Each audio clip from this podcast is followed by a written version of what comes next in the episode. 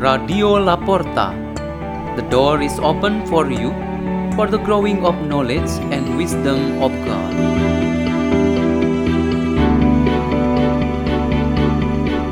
By Hadi Witanto, lay minister from the parish of St. John Bosco, Jakarta.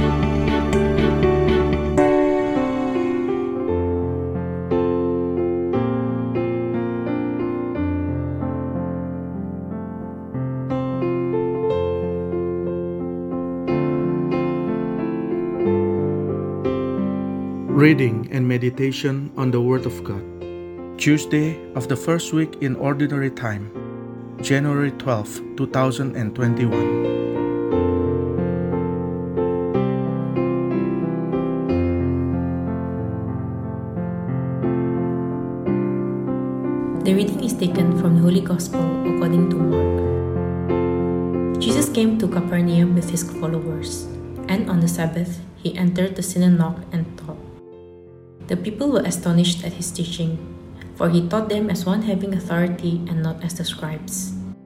In their synagogue was a man with an unclean spirit. He cried out, What have you to do with us, Jesus of Nazareth?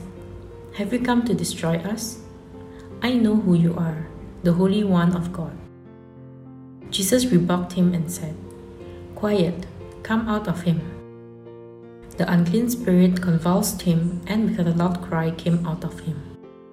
All were amazed and asked one another, What is this? A new teaching with authority, he commands even the unclean spirits, and they obey him. His fame spread everywhere throughout the whole region of Galilee. The Gospel of the Lord.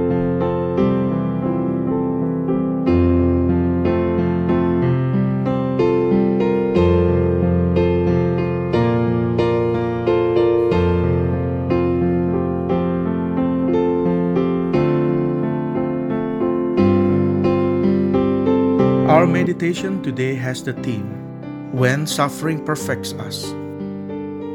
There was one of the three children in the family who suffered both mental and physical sickness from birth. The child did not grow and develop normally like his two siblings. His movements were very limited. He has been depending only on his natural gift, the grace of God, and the assistance of his family, which kept him well day by day.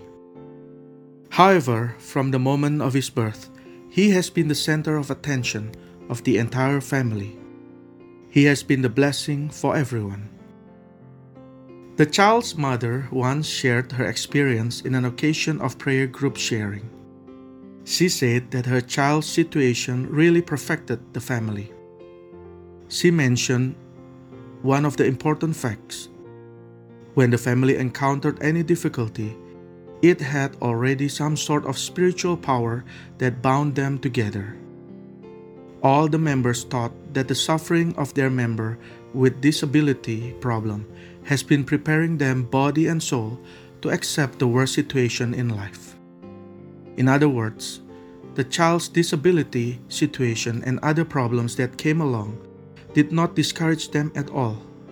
On the contrary, those sufferings indeed perfected their lives.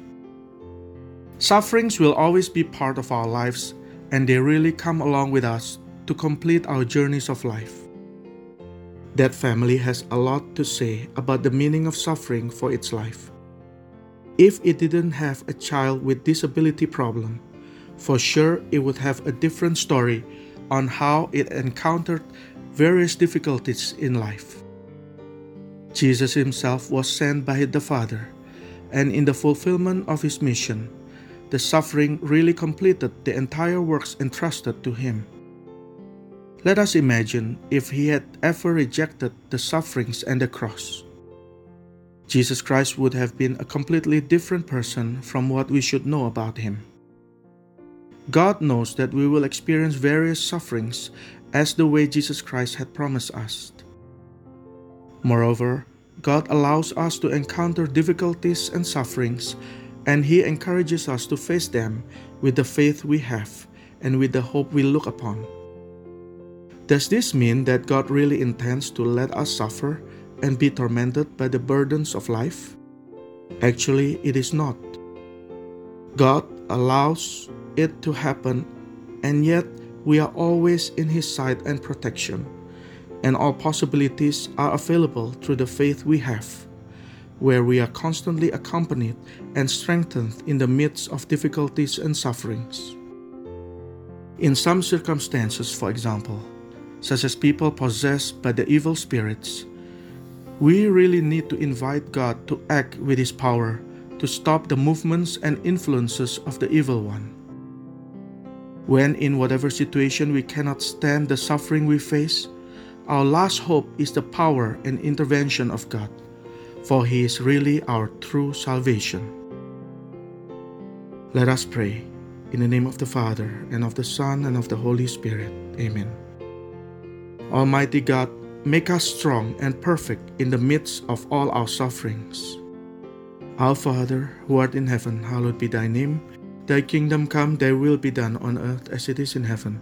Give us this day our daily bread, and forgive us our trespasses, as we forgive those who trespass against us. And lead us not into temptation, but deliver us from evil. Amen. In the name of the Father, and of the Son, and of the Holy Spirit. Amen. Radio La Porta. The door is open for you.